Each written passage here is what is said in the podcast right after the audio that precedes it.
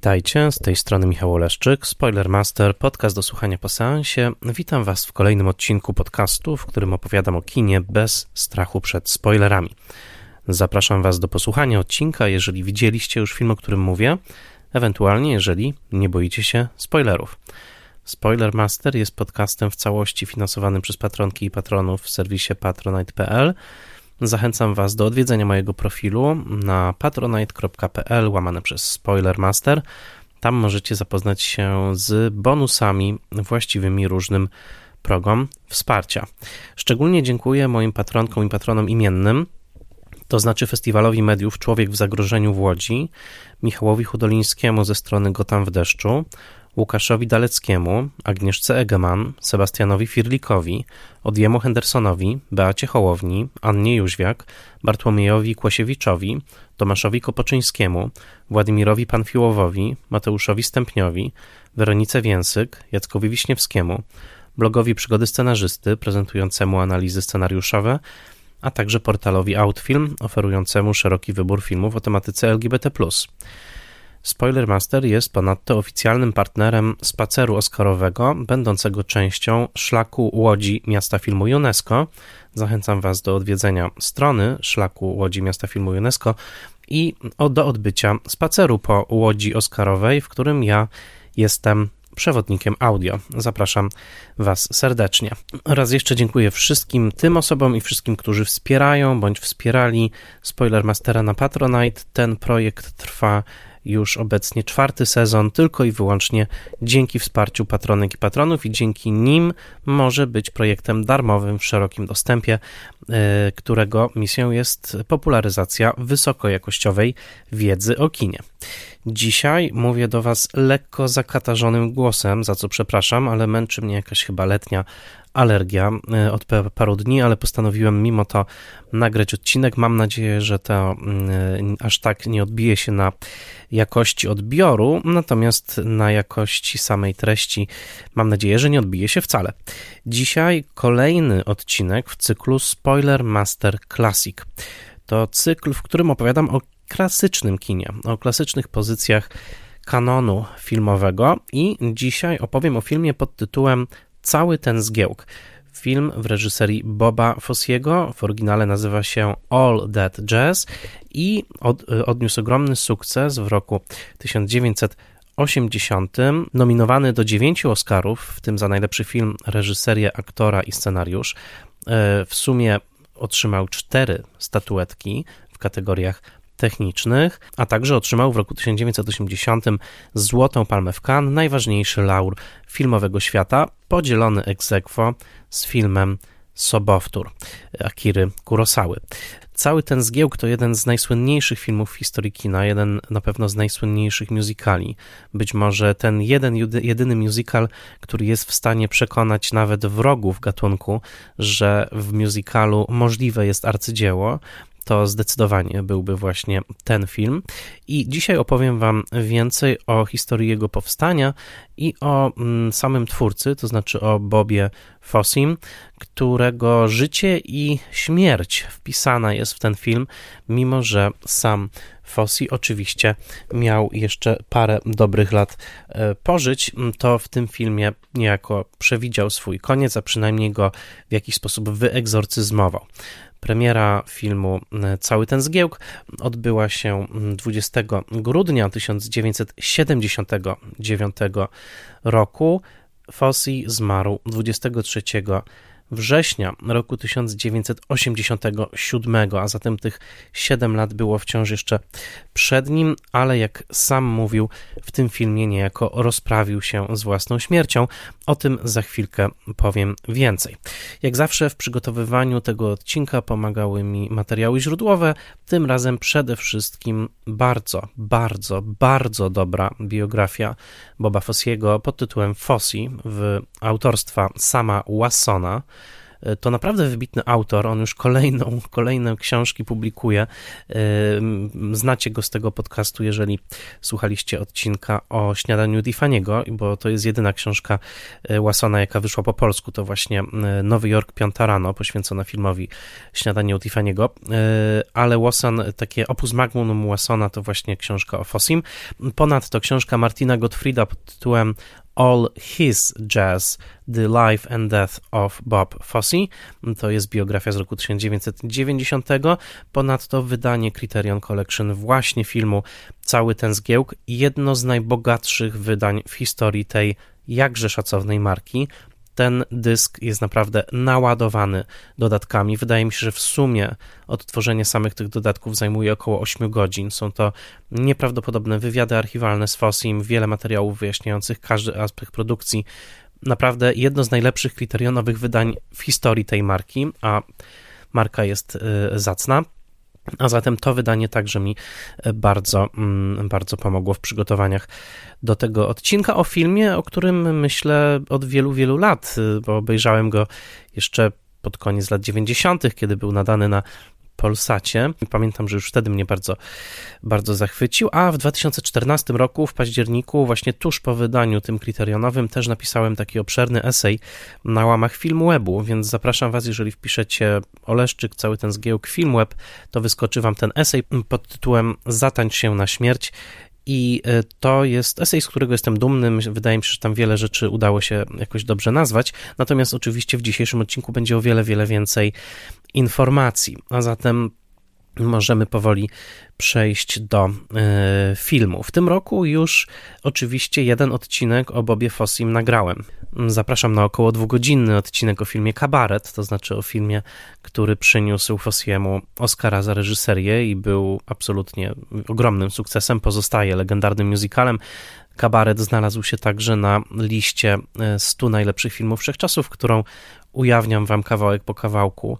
E, to Kabaret wciąż pozostaje moim ulubionym filmem Fossiego, no ale bardzo bliskim rywalem jest oczywiście cały ten zgiełk. I mm, dzisiaj chciałbym właśnie o tym filmie wam więcej opowiedzieć. To nie jest ostatni film e, Boba Fossiego, ponieważ zrealizuje jeszcze jeden, Star 80, w roku 1983, ale cały ten zgiełk dla wielu jest takim opus magnum, przede wszystkim dlatego, że jest dziełem niebywale osobistym.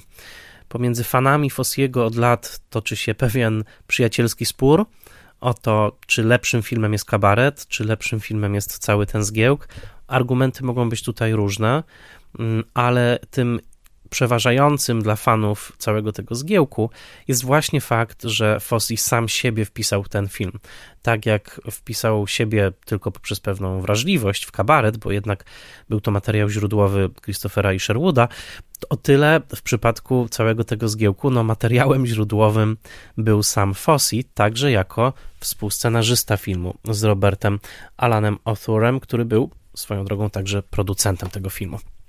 Ale Zacznijmy może od samego początku. Przypomnę, kim był Bob Fosse. Obiecałem Wam także powiedzieć troszkę więcej o jego początkach właśnie w tym odcinku, bo już w odcinku o kabarecie zapowiadałem, że zrobię odcinek o całym tym zgiełku, więc przede wszystkim e, Bob Fosse był mm, tancerzem i dopiero później e, choreografem. E, Fosse urodził się w Chicago w roku 1927, dokładnie 23 mm, czerwca, a zatem za tydzień, jako że ten odcinek ma premierę 17 czerwca 2022, y, będziemy obchodzić jego kolejne urodziny. E, Fossi urodził się e, w Chicago i właściwie no, od najmłodszych lat e, zajmował się właśnie tańcem i występował w rozmaitych tanzbudach, ale także nocnych klubach od bardzo młodego wieku. I w zasadzie już w latach 40., e, także kiedy zahaczył jeszcze trochę o wojsko, przede wszystkim e, pamiętajmy lata II wojny światowej, e, przede wszystkim w takiej nadziei, że będzie mógł występować w takich przedstawieniach rozrywkowych dla żołnierzy amerykańskich, i to rzeczywiście się udało.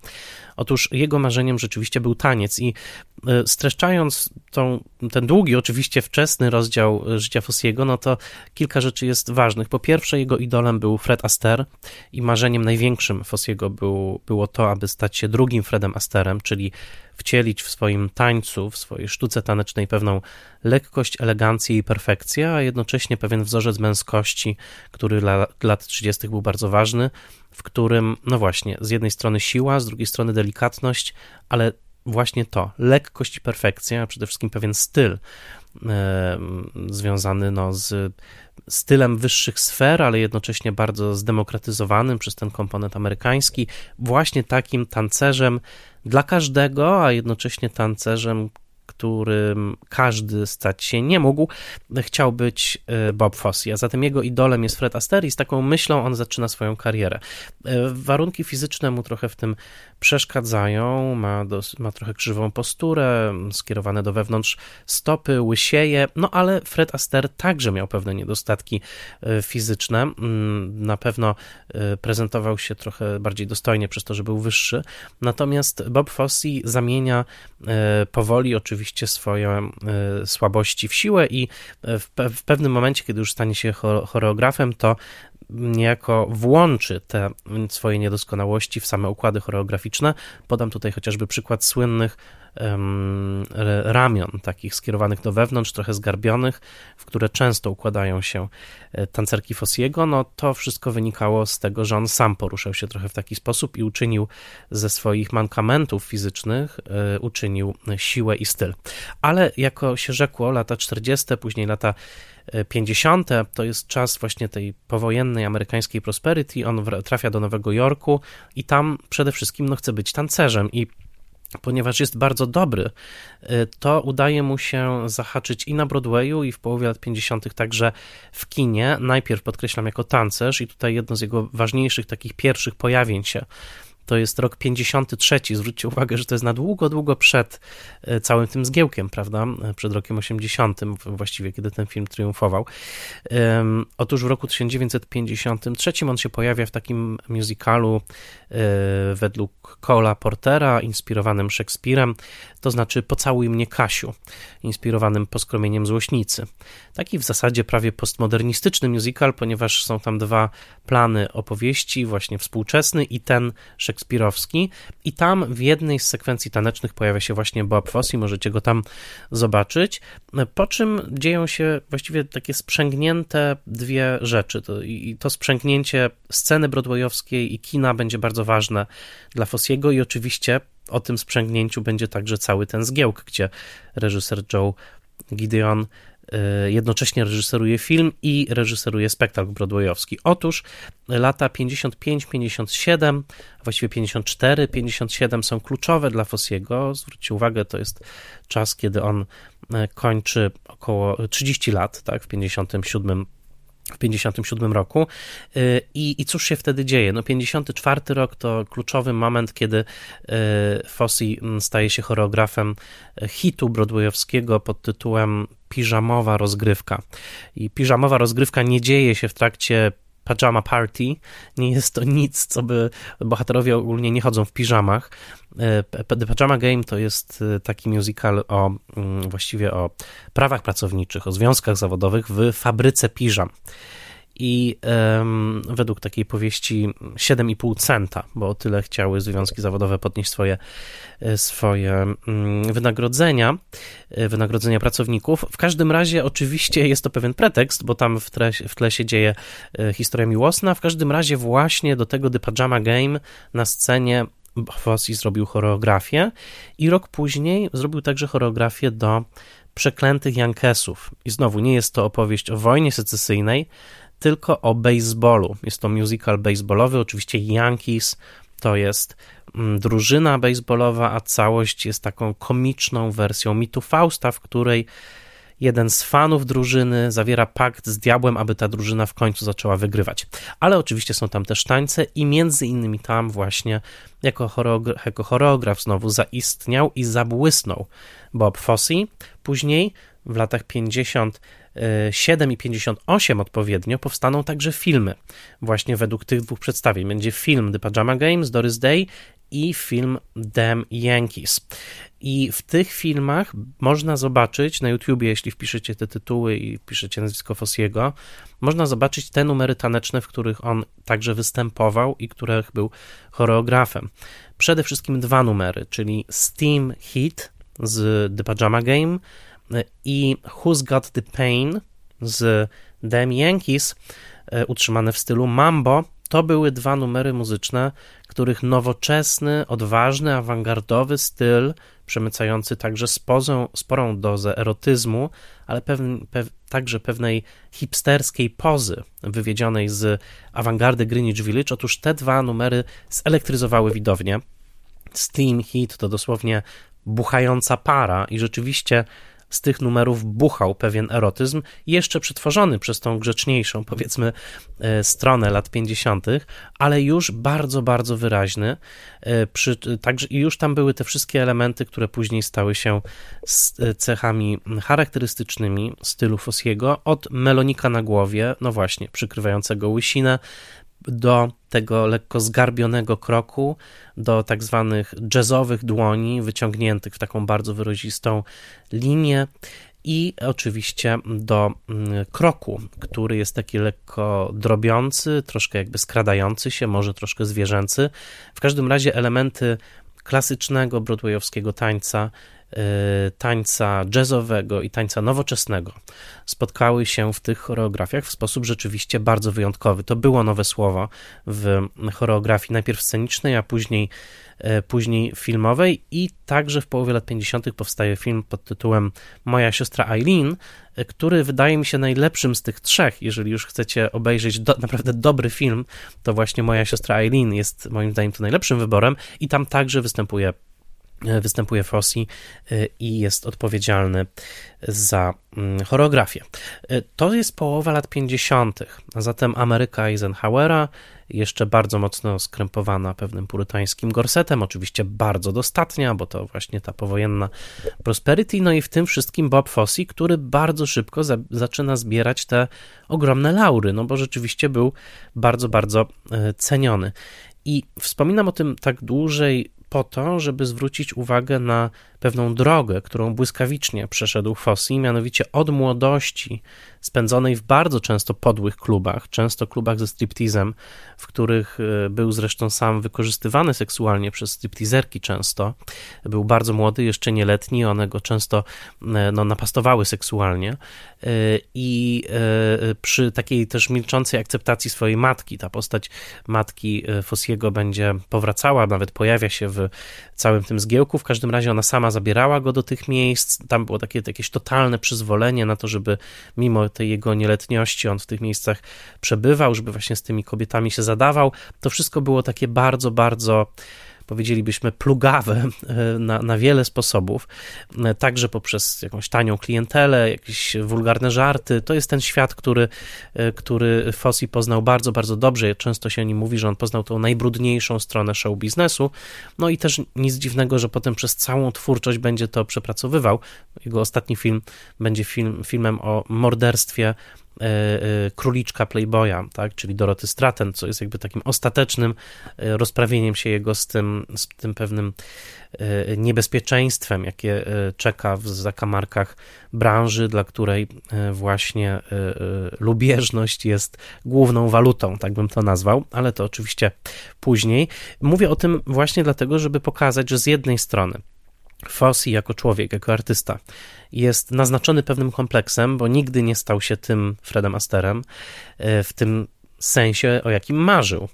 E, być może stał się nawet wybitniejszym artystą, ale nie tym, co sobie wymarzył na początku. Po drugie, jedna noga jeszcze w młodości, mocno unurzana w tym świecie jakichś takich plugawych półburdeli, E, a druga noga no, mocno postawiona na prestiżowej scenie hollywoodzkiej, chociażby w postaci tych szacownych filmów z Doris Day i oczywiście Broadwayu przez duże B, to znaczy sukcesy broadwayowskie zaczęły się dla niego bardzo, bardzo szybko.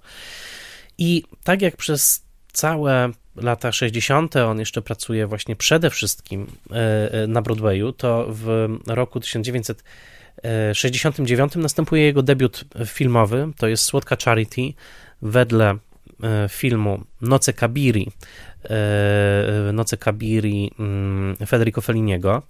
to o tyle ważne, że cały ten zgiełk jest także przeróbką Feliniego, tylko że oś, ośmie, ośmiorga i pół filmu autobiograficznego i także te lata są dla niego formujące, jeżeli chodzi o najważniejszy związek jego życia, to znaczy Gwen Verdon, tancerka, z którą pracował przy wielu produkcjach, która w zasadzie pozostała najważniejszą osobą jego życia, nawet po rozwodzie, nawet po rozstaniu, zostali przyjaciółmi.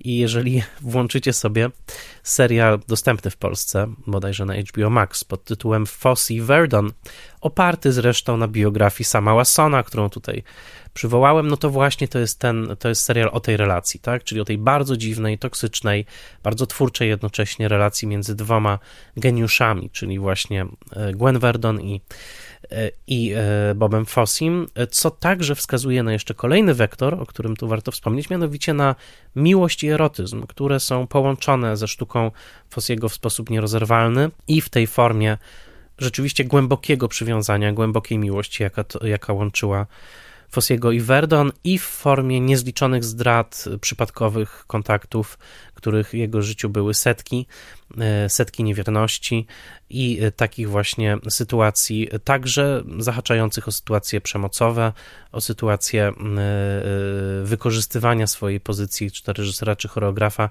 do realizowania swoich seksualnych celów z tancerkami. A zatem to wszystko zresztą bardzo obszernie jest pokazane w serialu Fossey Verdon, w którym Fossey'ego gra Sam Rockwell, a Michelle Williams gra Gwen Verdon. To rzeczywiście świetny, świetny serial.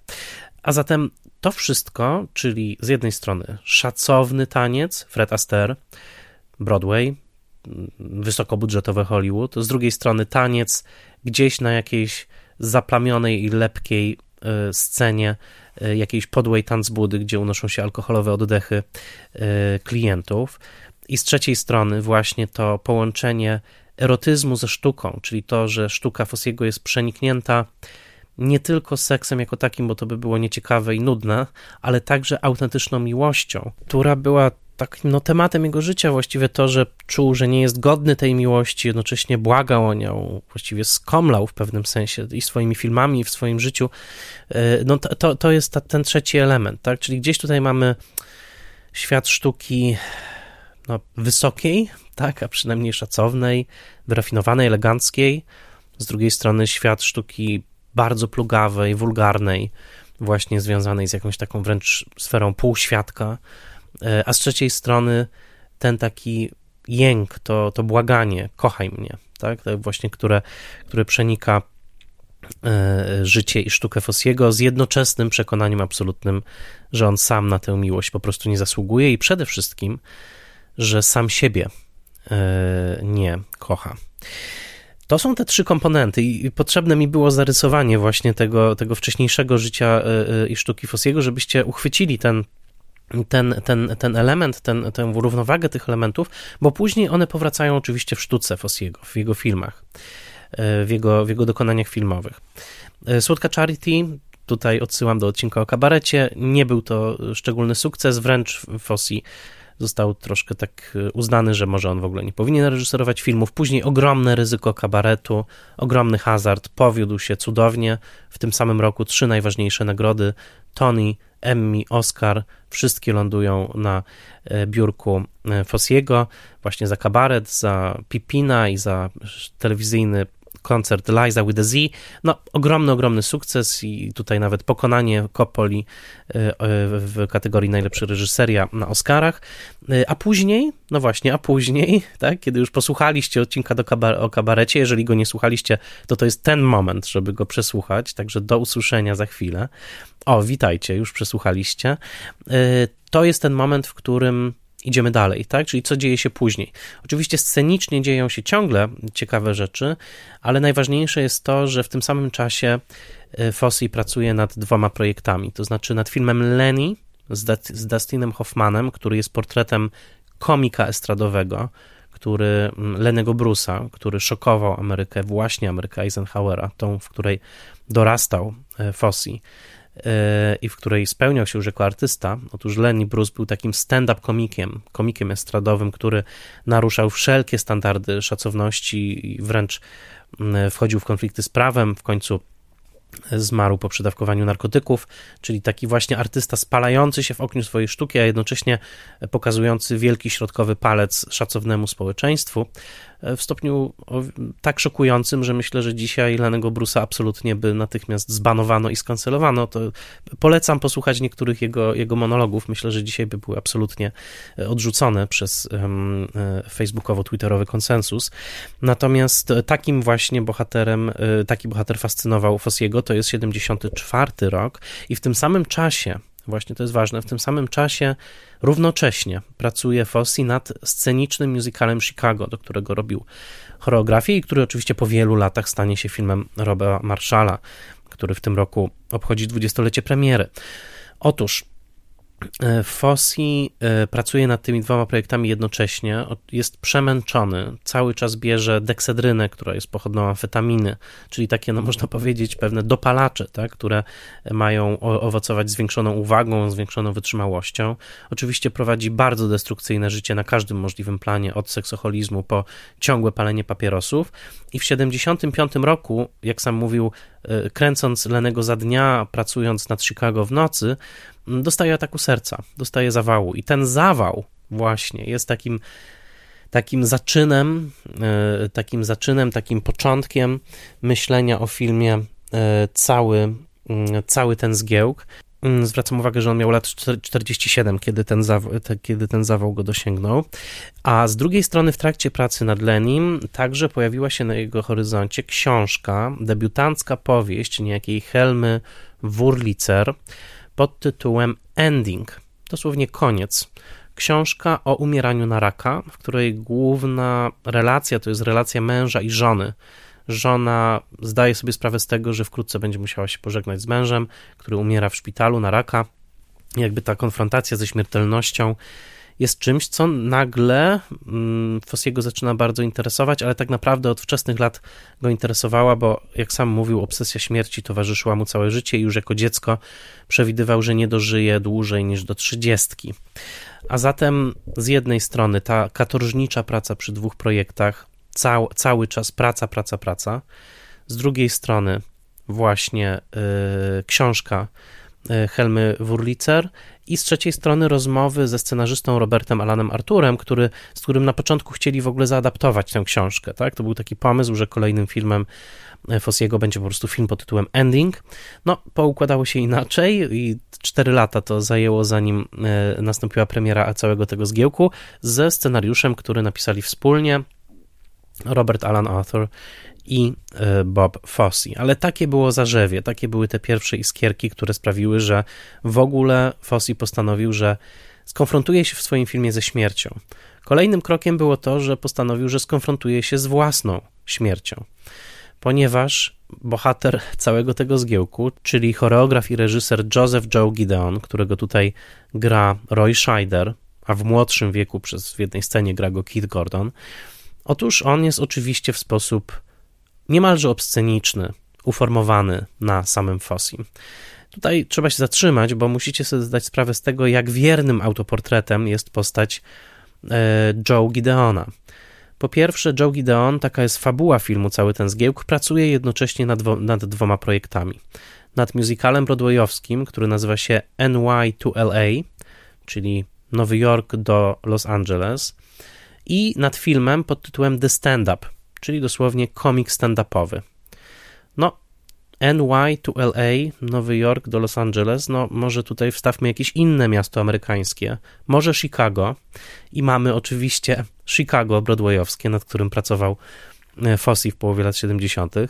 Film The Stand Up, no cóż, stand-upowym komikiem był przecież sam Lenny Bruce, o którym był film Lenny, a któż gra tego stand-upowego komika w scenach, które widzimy w filmie, cały ten zgiełk, kiedy e, Joe Gideon montuje swój film. Otóż gra go Cliff Gorman, który grał Lenego Brusa na scenie, ale który nie dostał tej roli w filmie, ponieważ Dustin Hoffman był lepszym nazwiskiem, tak, z większą siłą e, box office'ową. A zatem tutaj Fosse zatrudnia Cliffa Gormana w takim przyjacielskim geście, mówiąc niemalże, słuchaj, no nie zagrałeś u mnie Lennego Brusa, ale i tak zagrasz komika estradowego w filmie The Stand Up, tylko że ten film Stand Up będzie częścią filmu cały ten zgiełk. A zatem to jest pierwszy ogromny odcisk palca, tak? To znaczy Fossey pokazuje Joe Gideona w sytuacji mocno analogicznej do swojej własnej, jeżeli chodzi o plan zawodowy, ale także jeżeli chodzi o plan prywatny, bo przecież cały ten zgiełk to niemalże jak taki układ planetarny, układ słoneczny, w którym Słońcem jest właśnie Joe Gideon, a wokół niego krążą e, kobiety, a właściwie mamy tutaj co najmniej pięć tych kluczowych kobiet. Pytanie, czy to on, nie, on krąży wokół nich, ale to już y, musielibyśmy zbudować jakiś bardziej skomplikowany model, bo oczywiście tutaj zależność jest bardzo, bardzo złożona, ale te kobiety są wzorowane wszystkie na kobietach z życia samego y, Fossiego. Otóż mamy tutaj niejaką Audrey Paris, y, czyli żonę graną przez Leland Palmer, która jest powtórzeniem roli życiowej Gwen Verdon. To znaczy ta postać jest absolutnie wzorowana na Gwen Verdon, w tym, że już nie są razem, e, że wychowują córkę, ale e, żona cały czas jest obecna, też jest zainteresowana tym, co robi Fossi, współuczestniczy w tym, wcale nie rezygnuje z tej kreatywnej funkcji, on wie, że sobie bez niej nie poradzi. To jest właśnie ta postać Leland Palmer. Z drugiej strony jest kochanka Katie Jagger, grana przez Anne Raking, która, z którą łączą żonę nawet przyjazne stosunki. I to jest rola, która właściwie Anne Raking, tę rolę ona grała także w życiu Fossiego, bo też właśnie miała z nim romans w czasie, kiedy on był z Gwen Verdon. Panie wypracowały jakiś taki sposób wspólnej komunikacji do tego stopnia, że Gwen Verdon potem przy całym tym zgiełku, nawet i przy innych projektach, pomagała Anne Raking w krokach, y, jak ma tańczyć czyli jakby tutaj wspomagała jej artystyczny wysiłek. To też oczywiście możecie zobaczyć w serialu Fossey Verdon. Michelle, grana przez młodą 13-letnią baletnicę Elżbet Foldy, e, węgierskiego pochodzenia, to, e, to oczywiście córka Fossiego Nicole, prawda, która w tym samym czasie była nastolatką i która tak żyła właściwie troszkę z ojcem, troszkę z matką, troszkę z Bobem, troszkę z Gwen. W pewnym momencie przeprowadziła się do Boba. Angelique to grana przez Jessica Lang, przez pewien moment kochankę Boba Fossiego, śmierć, właściwie anioł śmierci, spowita w białych tiulach i dowcipnie rozmawiająca z e, Joe'em na temat tego, że jego czas już naprawdę się zbliża i że dosyć nagrzeszył w tym życiu.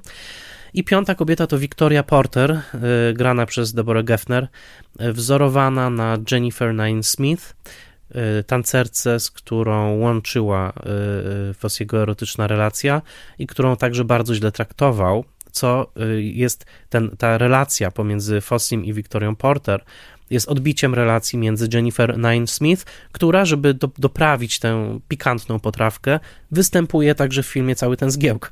A zatem widzicie także samą Jennifer właśnie w, e, w tym filmie. A zatem nie tylko sytuacja zawodowa, ale sytuacja prywatna, jego takiego ciągłego rozerwania między tymi różnymi kobietami, tego, że każda z nich daje mu coś innego. On też daje im ogromnie dużo. One wiedzą też, że dzięki jego talentowi no, błyszczą w tej w tej konstelacji Fossiego czy Gideona są, przechodzą do historii teatru jednocześnie, ale ten, ta dziwna, koślawa, toksyczna, jednocześnie w jakiś przedziwny sposób piękna konstelacja osób jest tutaj, jest tutaj e, kluczowa. To kolejna cecha. Fizycznie Roy Scheider, grający tę rolę, e, grający rolę Joe Gideona, upodobnił się także do Fossiego. Chodził z nim na wszelkie możliwe próby, palił tyle papierosów co on, chociaż po latach przyznał, że troszkę jednak mniej niż Bob. Ma tę brudkę, ma ten zarost, jest ubrany w czerń, bardzo podobnie do Fossiego. Widzimy go kilkakrotnie w filmie, kiedy w swojej łazience poranny czyni rytuał, kiedy słucha Vivaldiego, kiedy mówi It's showtime, folks, do lustra, połyka deksedrynę, którą połykał oczywiście Fossi. Na tej buteleczce deksedryny jest zresztą adres samego Fossiego, e, to znaczy jest tam nazwisko Joe Gideona, ale na recepcie jest podany adres um, 6158 Street, Nowy Jork, Dopiero po latach y, y, zauważyłem u sama Watsona, że on dostrzegł tam, że ten numer się troszkę różni od właściwego adresu Fossiego, bo Fossi mieszkał przy numerze 58, przy 58 ulicy. Jeżeli będziecie pielgrzymować do Nowego Jorku, można tam zajrzeć, a na tej etykiecie jest numer 61. Natomiast, no to kolejne takie tropy, które no niemalże jak Reese's Pieces, które mają zwabić Itiego do naszego domostwa, rozsypuje tutaj Fossi po to, żeby powiedzieć, tak, to ja. Mimo, że zawsze, kiedy ktoś mówił to wprost, to mówił, nie, to nie jestem ja. I nie pozwolił nigdy przez całe kręcenie filmu mówić o postaci Joe'ego jako, Bob, jako o Bobie. Mimo, że nawet Royowi Scheiderowi, aktorowi grającemu tę rolę, czasami to się po prostu wyrywało, bo było to tak jaskrawo oczywiste. Ale jednak tutaj Bob Fosse utrzymał pewien pewien może rodzaj higieny psychicznej, a może jednak coś w tym było, że chciał, żeby tak do końca jeden do jeden to mm, nie było zestawienia, ale no koniec końców jest 99 do 99%. I kwestia tego, o czym jest film, no film jest właśnie o tym, że Joe Gideon próbuje ukończyć na czas obydwa te projekty. Wszystko jest przeciwko niemu. Producenci cały czas oczywiście cisną, żeby projekty były komercyjne. On chce, żeby były artystyczne. W pewnym momencie wyrywa się i samopas reżyseruje numer muzyczny, który miał być fajną, rodzinną rozrywką o tym, że fajnie się leci samolotem. On z tego tworzy numer muzyczny Air Rotica, który staje się rodzajem takich choro, pięknie ułożonych tanecznie, ale jednak e, panseksualnych bachanaliów skąpanych w mroku i dymie, więc kiedy to widzą producenci, to absolutnie nie chcą się na to zgodzić. No i w końcu oczywiście przychodzi przychodzi do Joe'ego to, co przyszło do Fossiego w roku 75, czyli zawał serca, operacja bypassów, wciąż wtedy dosyć nowatorska i potem drugi zawał serca w szpitalu, wizje przedśmiertne w postaci roztańczonej rewi, tancerek, które wyśpiewują mu wszystkie grzechy jego życia i śmierć. Jako musical cały ten zgiełk jest tak naprawdę musicalem o samym Fossim, jest musicalem o jego życiu, grzechach i śmierci. Jest także musicalem o jego sztuce, o tym, że ma on nadzieję, że wartość jego sztuki i jej piękno będzie koniec końców mocą rozgrzeszającą. Kiedy w finale Roy Scheider już tuż przed śmiercią występuje w wielkim, trwającym prawie kwadrans numerze muzycznym Bye Bye Life, to patrzy na niego publiczność złożona z jego przyjaciół, wrogów, kochanek, dzieci, wszystkich, którzy widzieliśmy w tym filmie i wszyscy biją mu brawo, tak jakby go właśnie rozgrzeszali. To zdecydowanie taki wyraz pewnego, pewnej religijnej tęsknoty do tego, żeby oczyścić się z e, grzechów e, swojego życia. Ale także jest to musical, który powstaje w bardzo szczególnym momencie i pamiętajmy też o tym, żeby po pierwsze, oczywiście umiejscowić ten film w kontekście twórczości Fossiego, jego życia, tak jak to przed chwilą starałem się zrobić, ale po drugie także, żeby go umiejscowić w kontekście czasu, bo, bo podoba mi się fakt tego, że on jest tak zawieszony między dekadą lat 70. i 80. E, jego premiera to 20 grudnia 1979 roku. E, kręcony był w 78 chcę podkreślić bardzo to, dlatego że e, cały rok zajął montaż. To było bardzo, bardzo długo. Alan Haim dostał Oscara za zmontowanie tego filmu, a tak jak zdjęcia kończyły się e, niemalże dokładnie w Sylwestra roku 1978, bo właśnie w Sylwestra 78 kręcono wszystkie te sceny w łazience Joe'ego, kiedy on przygotowuje się i woła It's Showtime Folks e, to tak cały rok zajął montaż, ogromnie, ogromnie, ogromnie dużo czasu i pracy. E, I w końcu on wchodzi na ekrany 20 grudnia 79. Już za chwilę zaczyna się zupełnie inna dekada, zupełnie inny czas w kulturze, w Ameryce, na świecie. Wszystko będzie inne. W Hollywood e, bardziej komercyjne, grzeczniejsze. Spielberg za chwilę oczywiście zdominuje ten świat. E.T. już za chwilkę rozkocha w sobie wszystkich. A tutaj Fossi właśnie kręci swój film i na co zwrócił uwagę ówcześnie właśnie y, recenzent pisma Cineast Al Oster, na co ja nigdy uwagi nie zwróciłem, to jest fakt, że 10 dni po premierze całego tego zgiełku, 30 grudnia 79 roku, umiera Richard Rogers z duetu najpierw Rogers i Hart, a potem Rogers i Hammerstein, czyli właściwie najbardziej ikoniczny twórca muzyki broadwayowskiej, kompozytor, odpowiedzialny za muzykę do takich muzykali jak Oklahoma, South Pacific, właściwie do wszystkich, oczywiście dźwięki muzyki, tak, The Sound of Music, największa kolubryna, także filmowa, a zatem ktoś, kto ucieleśniał ten można powiedzieć, bardziej niewinny Broadway, ale to nie tylko kwestia niewinności, to dosyć zwodnicze określenie, ale taki e, Broadway, który miał być jednak rozrywką rodzinną dla wszystkich, która niesie jakieś zazwyczaj progresywne przesłanie, chociażby antyrasistowskie w South Pacific i e, który no właśnie opiera się na e, wciąż jeszcze gdzieś tam na wzorach wywiedzionych z opery i wiedeńskiej operetki i oczywiście włączając w to wszystko amerykańskie wpływy, ale jednak Richard Rogers i, i ten starszy musical umierają w roku 1979 właśnie no, w tym samym grudniu i e, sam nieprzychylny filmowi, dodam, Al Oster, bo ten film był raczej średnio przyjęty przez krytyków w momencie premiery, e, pisze o całym tym zgiełku odwołując się do popularnego określenia lat 70. jako dekady narcystycznej, skupionej na sobie, The Me Decade, tak się mówiło o latach 70. Mm, e, wtedy też Christopher Lash napisał swoją słynną książkę właśnie o narcyzmie kultury współczesnej. E, to tak pisze mm, Al Oster, że chyba mamy do czynienia ze śmiercią musicalu i z narodzinami, on to pisze musical, tak? Czyli nie mu musical, nie musical, tylko musical, czyli ja, wszystko wokół mnie, prawda? To jest, on mówi, że tutaj jednak ta megalomania Fossiego jest, y, on to tak postrzega, że to właśnie on jest w centrum, on jest najważniejszy, wszystko ma być o nim. Y, on to tutaj odczytał jako taki wyraz tej dekady lat 70., skupionej narcystycznie na jednostce. No, dodam, że mogło być jeszcze bardziej narcystycznie, bo wrócę teraz do początków produkcji tego filmu i oczywiście pytaniem było, kto zagra y, Joe Gideona. I tutaj Sam Wasson pisze tak w swojej książce. Mm, Alan Bates, Alan Alda, Gene Hackman, Redford, Ryan O'Neill i Paul Newman zdaniem Fossiego nie pasowali, a De Niro był za drogi. James Caan, producent Dan Melnick z Kolumbii wciąż marzył o Warrenie Beatty.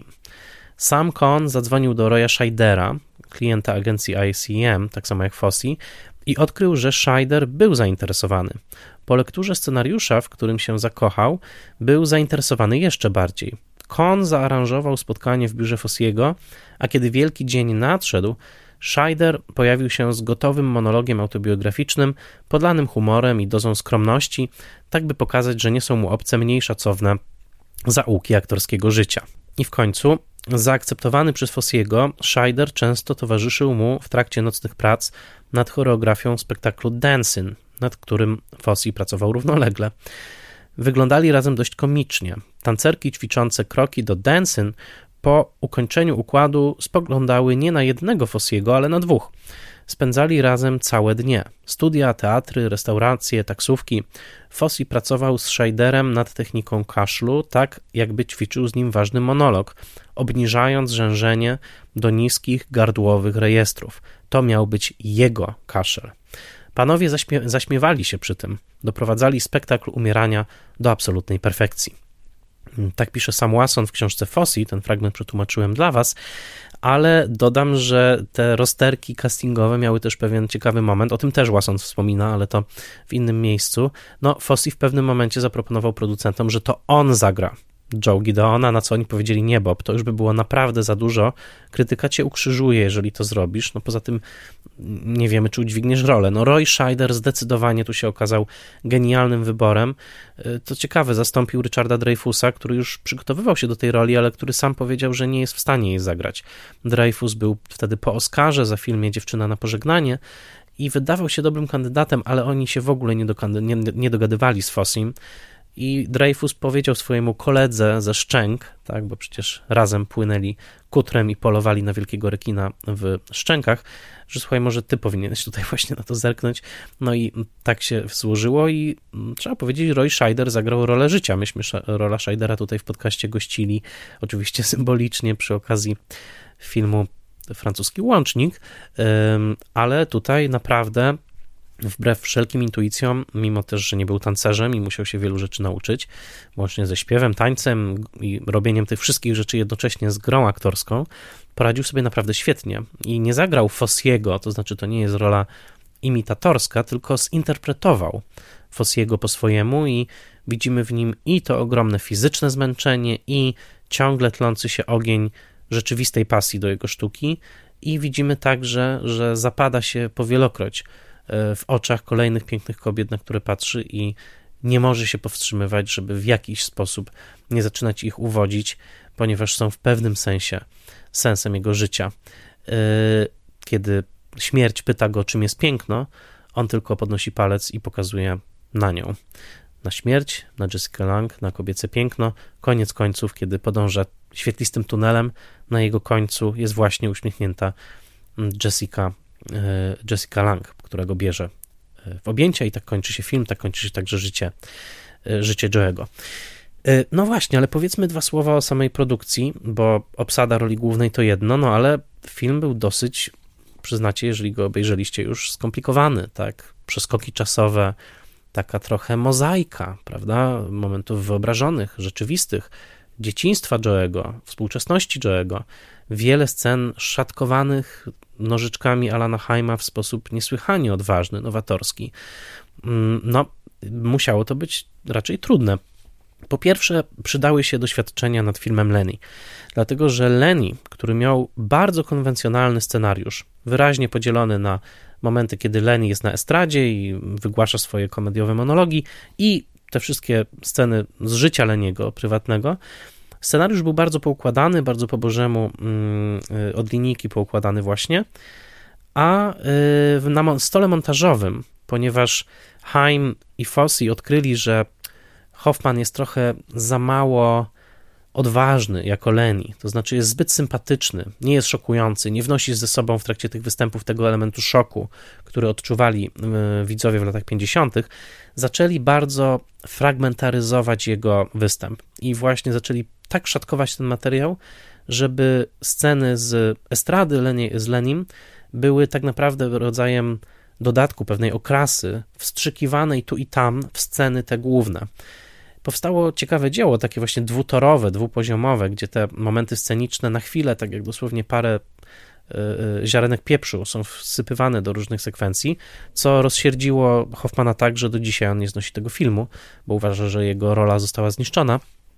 Mm, oczywiście Haim i Fossi uważali, że uratowali cały film, w tym rolę Hoffmana, ale wtedy Haim zrozumiał i wymyślił ten styl tak naprawdę razem z Fossim, właśnie takiego przeplatania dwóch planów czasowych, tego powiedzmy estradowego i tego e, życiowego, e, w którym, mm, w którym można sobie pozwolić na bardzo odważne montażowe przejścia między jednym poziomem i drugim. I ten styl ustalony w Lenim został już użyty w trakcie prac scenariuszowych nad całym tym zgiełkiem. Innymi słowy, scenariusz Roberta Alana Artura i Boba Fossiego był już tak pisany, jak Lenny był montowany, czyli właśnie ta fragmentaryzacja, ta kalejdoskopowość była już wpisana w sam scenariusz. No, nie zmienia to faktu, że produkcja była trudna. Columbia Pictures była producentem i tutaj Daniel Melnik przede wszystkim, ale także sam Robert Alan Arthur do pewnego momentu, bo e, Arthur e, umiera e, w mm, roku 1978 w listopadzie, także Arthur już nie zobaczył tego filmu, jego nominacje oscarowe były pośmiertne i Daniel Melnik jako producent był ważną postacią, no ale produkcja się jednak przedłużała. To była duża, trudna, dziwna produkcja, której też wiele osób nie rozumiało, Dobrze, że Fossi obudował się świetnymi współpracownikami, między innymi operatorem Feliniego, czyli Giuseppe Rotuno, prawda, który dobrze znał kaprysy Feliniego i znał ten świat, z którego narodziło się 8,5, stanowiące taki niewypowiedziany wzór dla Fossiego. Mm, ale nawet z tą świetną ekipą, ze świetnymi tancerzami, bardzo, bardzo dedykowanymi do tego, oddanymi temu projektowi, no, produkcja się przedłużała. W pewnym momencie pieniędzy zabrakło i był jeden możliwy wybór, to znaczy, żeby ktoś inny jeszcze się dołożył. No i parę wytwórni nie chciało, ale doszło do historycznej współpracy między Columbią i 20th Century Fox, dlatego że szef wytwórni Fox wówczas Alan Ladd Jr., słynny producent, któremu zawdzięczamy m.in. Gwiezdne Wojny, e, obejrzał materiał, powiedział, że tak, chce się do tego dołożyć. E, panowie z Kolumbii i pan z 20th Century Fox rzucili monetą kto będzie miał prawa do dystrybucji krajowej, a kto do zagranicznej. Moneta rzuciła się tak, że 20th Century Fox dystrybuowała ten film w Stanach, a Columbia za granicą. Wspominam o tym, bo jest to ciekawa anegdota, ale także wspominam o tym, dlatego że pamiętam do dzisiaj, kiedy ten film był na Polsacie w końcówce lat 90., to był pokazywany z logo Kolumbii. To pamiętam z słynną panią z pochodnią. Wtedy chyba Polsat zakupił cały pakiet filmów Columbia TriStar, bo było strasznie dużo właśnie tych filmów z Columbia TriStar. E, a pamiętam, że po latach, kiedy włączyłem Blu-ray kryterionowy, czyli wydany w Stanach, to przed filmem było piękne logo tam da da dam da da da da dam da da dam da da dam czyli właśnie 20th Century Fox. I pamiętam takie lekkie zdziwienie, bo tyle razy widziałem tę kasetę z Kolumbią, tutaj nagle 20th Century Fox. No właśnie to wszystko się wiązało z tym, że kasy zabrakło, 20th Century Fox przyszło z pomocą, panowie rzucili monetą i w Stanach ten film był filmem 20th Century Fox, w Europie Kolumbii, ale i tak napis początkowy informuje, że jest to koprodukcja tych dwóch wielkich, wielkich firm. Mm, bardzo też istotny oczywiście był sam taniec. I e, tutaj mm, nie mam narzędzi nawet, żeby dokładnie zanalizować choreografię w tym filmie, ale może ważne jest, żeby pamiętać, że Fossi korzystał przy kręceniu scen tanecznych, zwłaszcza tych wspaniałych scen wizyjnych, z studia filmowego, z hal zdjęciowych na Queensie w Astorii, gdzie dzisiaj mieści się Muzeum e, Ruchomego Obrazu w Nowym Jorku, gdzie kręcono najwcześniejsze filmy nowojorskie i także najwcześniejsze e, filmy nowojorskie musicalowe, między innymi z udziałem braci Marx pod koniec lat dwudziestych. A zatem to studio, które dla kina amerykańskiego no stało przez bardzo długi czas w ogóle jako nieużywane magazyny. Pod koniec lat 70. Sidney Lamet e, powrócił tam kręcąc partie muzyczne musicalu The Wiz, który zresztą jest wspomniany w dialogu w całym tym zgiełku. I Fossi wrócił właśnie tam i wiązało się to z tym, że także czuł pewien taki, dzisiaj byśmy powiedzieli, vibe, taką atmosferę miejsca, w którym tworzyła się historia amerykańskiego kina, amerykańskiego muzykalu także, to tam właśnie on swoją psychodramę taneczną yy, kierował. Mm, tancerze w tym filmie e, bardzo oddani Fossiemu, powtarzam to, bo to prawda. Wielu z nich w wywiadach mówiło, że gdyby powiedział im, że mają się rzucić z dachu, to też by to zrobili, nie pytając, czy jest siatka, czy nie. E, zbierali się o 5.30 rano na Columbus Circle przy 59 i Central Park. E, wsiadali do autobusu produkcyjnego All That Jazz i bladym świtem jechali właśnie na Queens do Astorii i tam już przebierali się w trykoty i mniej więcej od 7, 7.30 zaczynały się bardzo wyczerpujące, bardzo wyczerpujące zdjęcia i kolejne próby, kolejne e, ujęcia. E, Giuseppe Rotuno zarządzał tym od strony operatorskiej. E, Fossi cały czas się obawiał, czy udźwignie ten film wołał do Giuseppe Pepino, a co zrobiłby tutaj Fellini w tej sytuacji? Na co Pepino, czyli Rotuno, odpowiadał mu, a co ty byś tu zrobił, Bob? Kierując go w stronę jego własnego e, stylu. No ale sceny udało się nakręcić i są do dzisiaj zachwycające z tą białą limuzyną, piórami, e, elementami, które się wydają kłócić ze sobą czasami, e, nowoczesnymi, prawda? Sprzęt medyczny, samochody, kable wiszące wszędzie. To wszystko jednak stworzyło bardzo, bardzo unikalną całość i do dzisiaj cała ta sekwencja właśnie halucynacji szpitalnych uważam, że jest najlepszą częścią całego filmu. To znaczy, kiedy Joe już umiera, potem wraca do życia, jest gdzieś pomiędzy życiem i śmiercią, a tutaj właśnie widzimy jego kochankę, jego córkę, wyśpiewującemu e, e, gorzkie prawdy o nim samym.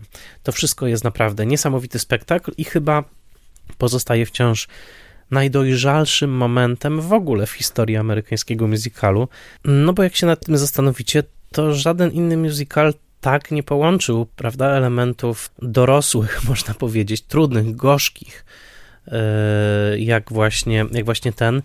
I jest to pełnoprawna, przedśmiertna medytacja, tak naprawdę, cały, cały ten zgiełki, zwłaszcza te, te sceny i lekkość formy musicalowej, e, niezaprzeczalna jest tutaj także niezbywalnie pożeniona z bardzo, bardzo wiele ton ważącymi pytaniami, jakie unoszą się nad, nad, tą, nad tą sekwencją. Tak jak wspomniałem na początku o tym trójkącie Fossiego, tak, czyli y, podłe kluby ze striptizem, szacowna, elegancka tradycja Astera i miłość, to jest jeden moment w tym filmie, który myślę najpiękniej wyraża skomplikowanie tego trójkąta, a jednocześnie najwyraźniej wskazuje na to, że tylko jeden jego wierzchołek ma prawdziwą, nieprzymijającą wartość.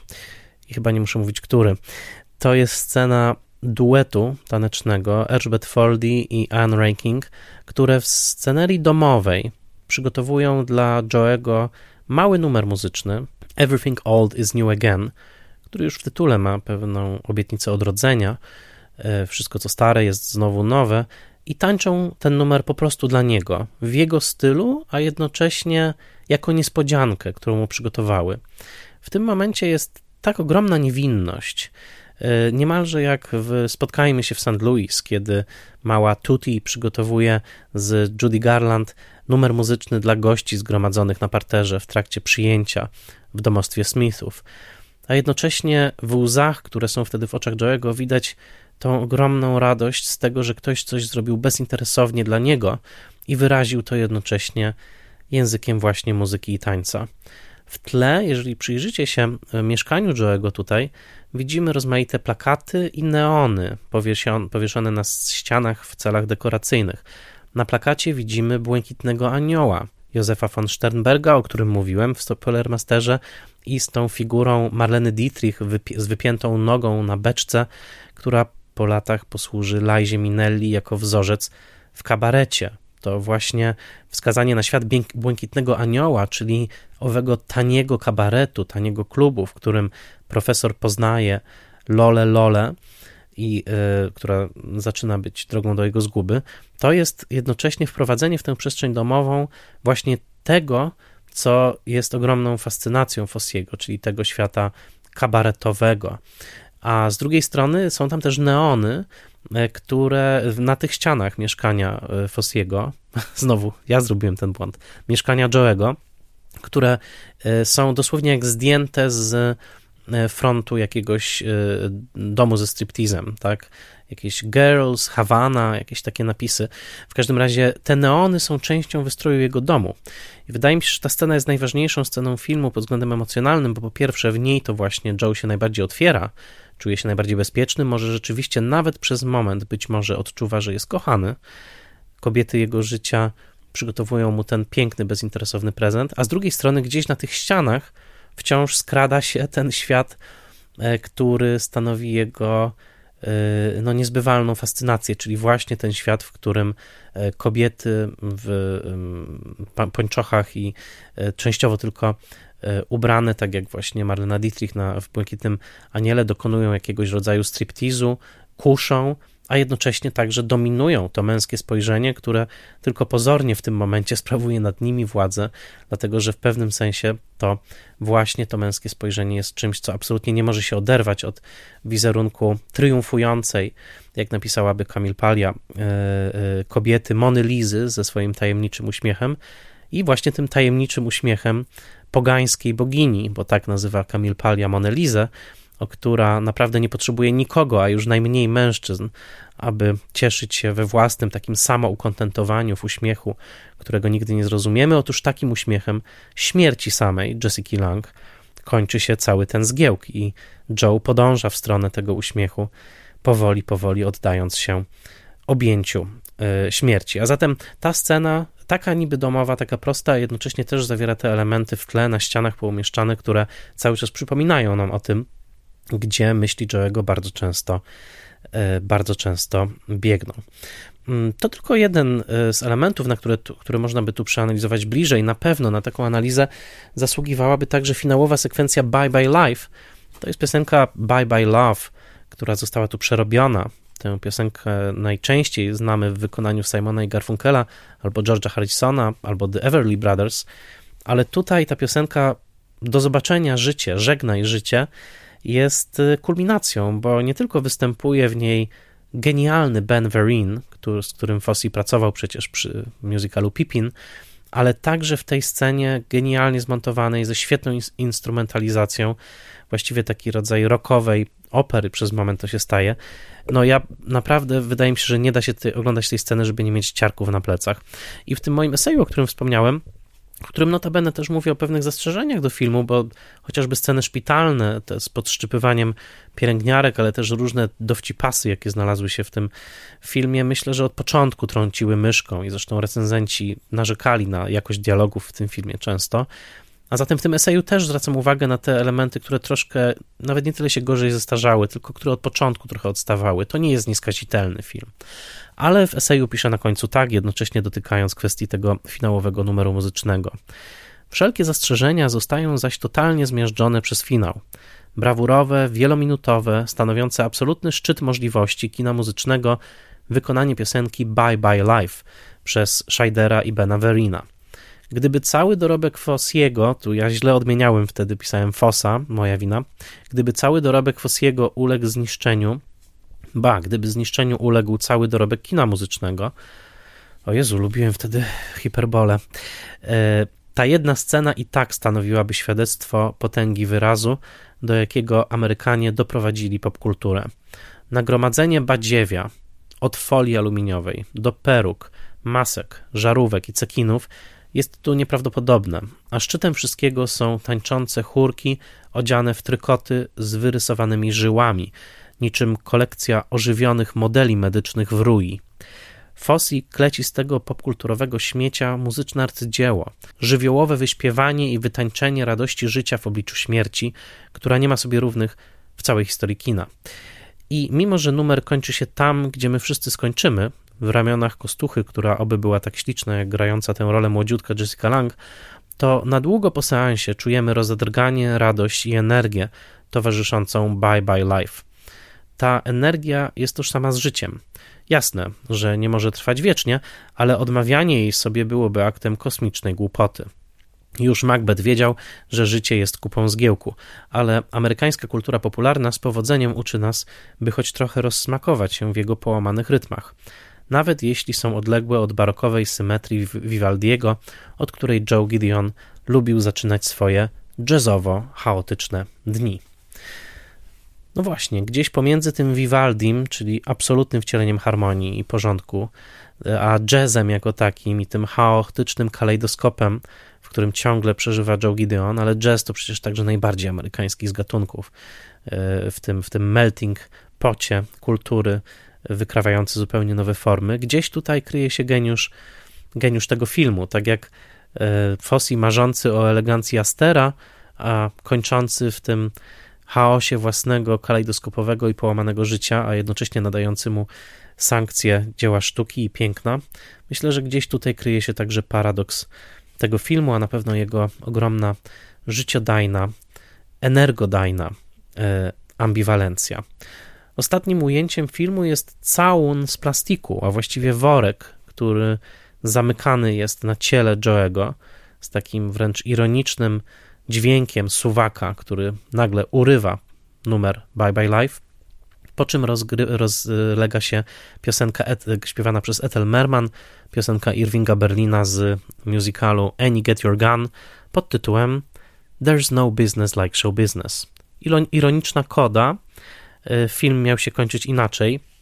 Miał się kończyć premierą tego przedstawienia NY to LA już po śmierci, kiedy to triumfuje rywal e, e, Fossiego, nie Fossiego, tylko Joe Gideona, szczerzący zęby w uśmiechu, grany tutaj przez Johna Lithgowa, wzorowany trochę na Michaelu Bennecie, twórcy musicalu Chorus Line, był takim rywalem Fossiego. E, ale tej sceny już nie nakręcono. Oczywiście Lithgow jest w filmie i naśladuje Beneta, naśladuje też trochę Hala Prince'a, naśladuje wszystkich konkurentów Fossiego i na, e, składa Joemu gratulacje w scenie finałowej, to też ważne, ale pamiętajmy, że film miał się kończyć inaczej. Film miał być, finałem miała być już premiera broadwayowska tego musicalu, nad którym pracował Joe, tyle że bez Joe, ponieważ on zmarł. W filmie jest ogromnie dużo goryczy, także pod kątem producentów, pod, pod adresem producentów, którzy nawet w scenie operacji na otwartym sercu yy, kalkulują, że chyba lepiej by im się opłaciło, gdyby Joe zmarł, bo wtedy dostaną duże odszkodowanie. Ta operacja jest także używa materiału dokumentalnego z prawdziwej operacji serca, co było szokiem w 1979 roku y, i szokowało widzów. Niektórzy widzowie wychodzili na widok tej otwieranej klatki piersiowej, a sam Fossi, dokumentując film, odwiedził prawie 30 szpitali i uwielbiał przyglądać się wszelkiego typu operacjom. Podobno ulubione jego operacje to były operacje biodra, bo było przy nich najwięcej krwi, a zatem był chyba rzeczywiście zafascynowany tym procesem wchodzenia w ciało i spoglądania, co tam tak naprawdę się rozgrywa i co jest, że tak powiem, dosłownie na ludzkim y, wnętrzu. Film wchodzący na ekrany w takim nimbie pewnej megalomanii Fossiego, nazywany przez niektórych 4,1 czwarta, jak y, po 8,5, y, podzielił krytykę. Naprawdę publiczność tutaj dopisała, bo to był sukces, ale krytyka była podzielona. Pauline Kael nie recenzowała tego filmu, ale miała dla niego troszkę uszczypliwości w innych tekstach. Sama jest zresztą sparodiowana w filmie, kiedy widzimy krytyczkę filmową przyznającą filmowi stand-up e, pół balonika. Ta aktorka Chris Chase e, wyraźnie tutaj jest wzorowana na Cale, co było trochę niesprawiedliwe, bo nikt tak entuzjastycznie nie napisał o kabarecie jak Pauline Kael. Co prawda miała dużo zastrzeżeń do Leniego, ale akurat uważam, że Lenny jest filmem, do którego można mieć dużo zastrzeżeń. W każdym razie dziwi mnie, że bardziej jej się nie spodobał All That Jazz. Nie recenzowała go w każdym razie, y, ale film y, miał swoich zwolenników. Co najważniejsze, y, otrzymał ową Złotą Palmę, tak jak już tak jak już wspomniałem. Mm, przewodniczącym jury w tamtym roku w Cannes był amerykański aktor Kirk Douglas, ale była w tym jury także Leslie Caron, francuska aktorka i wspaniała też e, tancerka, być może zobaczyła kawałeczek swoich własnych doświadczeń na ekranie. Fossi, ponieważ nie dostał Oscara, to był taki dziwny czas, że na festiwalu w Cannes w głównym konkursie mogły być filmy, które już były na ekranach amerykańskich i które już były nawet po rozdaniu Oscarowym, no bo, bo przecież gala Oscarowa w roku 80 odbyła się 14 kwietnia, a na festiwalu w Cannes film był pokazywany w maju 80 roku, a zatem to był troszkę inny, inny czas. Mm, w każdym razie na Oscarach y, cztery statuetki, y, muzyka oryginalna, y, scenografia, montaż oczywiście Alan, Alan Haim i najlepsze kostiumy. Niestety te nominacje w kategorii najlepszy film reżyser, aktor, scenariusz i zdjęcia e, tutaj e, pozostały puste. Wielkim triumfatorem, co niesamowite, bo w tym samym roku też był czas apokalipsy, była sprawa Kramerów, ale to już zostawiam sumieniom akademików ten fakt.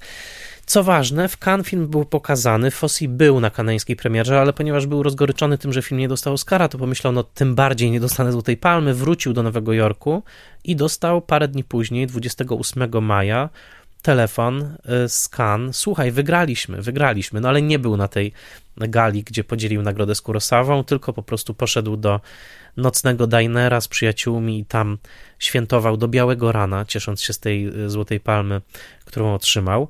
Y, swoją drogą na tym samym festiwalu, w tym samym konkursie był pokazywany Konstans Zanussiego. Myślę, że nie można sobie wyobrazić dwóch bardziej różnych temperamentów artystycznych niż Krzysztof Zanussi i Bob Fosse. To wyzwanie dla Was. Jeżeli pokażecie dwóch twórców, którzy są bardziej odlegli od siebie, podkreślam dwóch wybitnych twórców, ale którzy są bardziej odlegli od siebie niż Krzysztof Zanussi i Bob Fosse, przygotuję jakąś nagrodę rzeczową.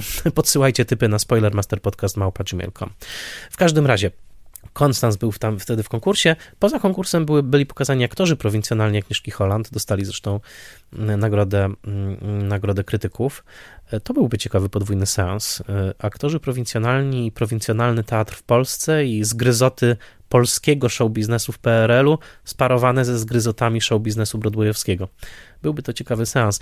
E, co ciekawe, także na Oscarach cały ten zgiełk zatriumfował nad scenografią obcego ósmego pasażera Nostroma, zatem całkiem potężna E, konkurencja. Pamiętam, że kiedy rozmawiałem jedyny raz w życiu z Andrzejem Żuławskim, to Andrzej Żuławski był w Nowym Jorku właśnie w 1979 roku. To był ten czas, kiedy kroiła się możliwa współpraca z Paramountem. No tam inna historia. W każdym razie yy, zapytałem go wtedy, jakie filmy oglądał w Nowym Jorku i co go tak zaszokowało, zachwyciło. Powiedział o dwóch filmach, właśnie o Obcym, Nostromo i o całym tym zgiełku. I wydaje mi się, że okruszki obcego są w opętaniu, a okruszki całego zgiełku są w kobiecie publicznej, ale to już e, zostawiam wam do, mm, do e, oceny.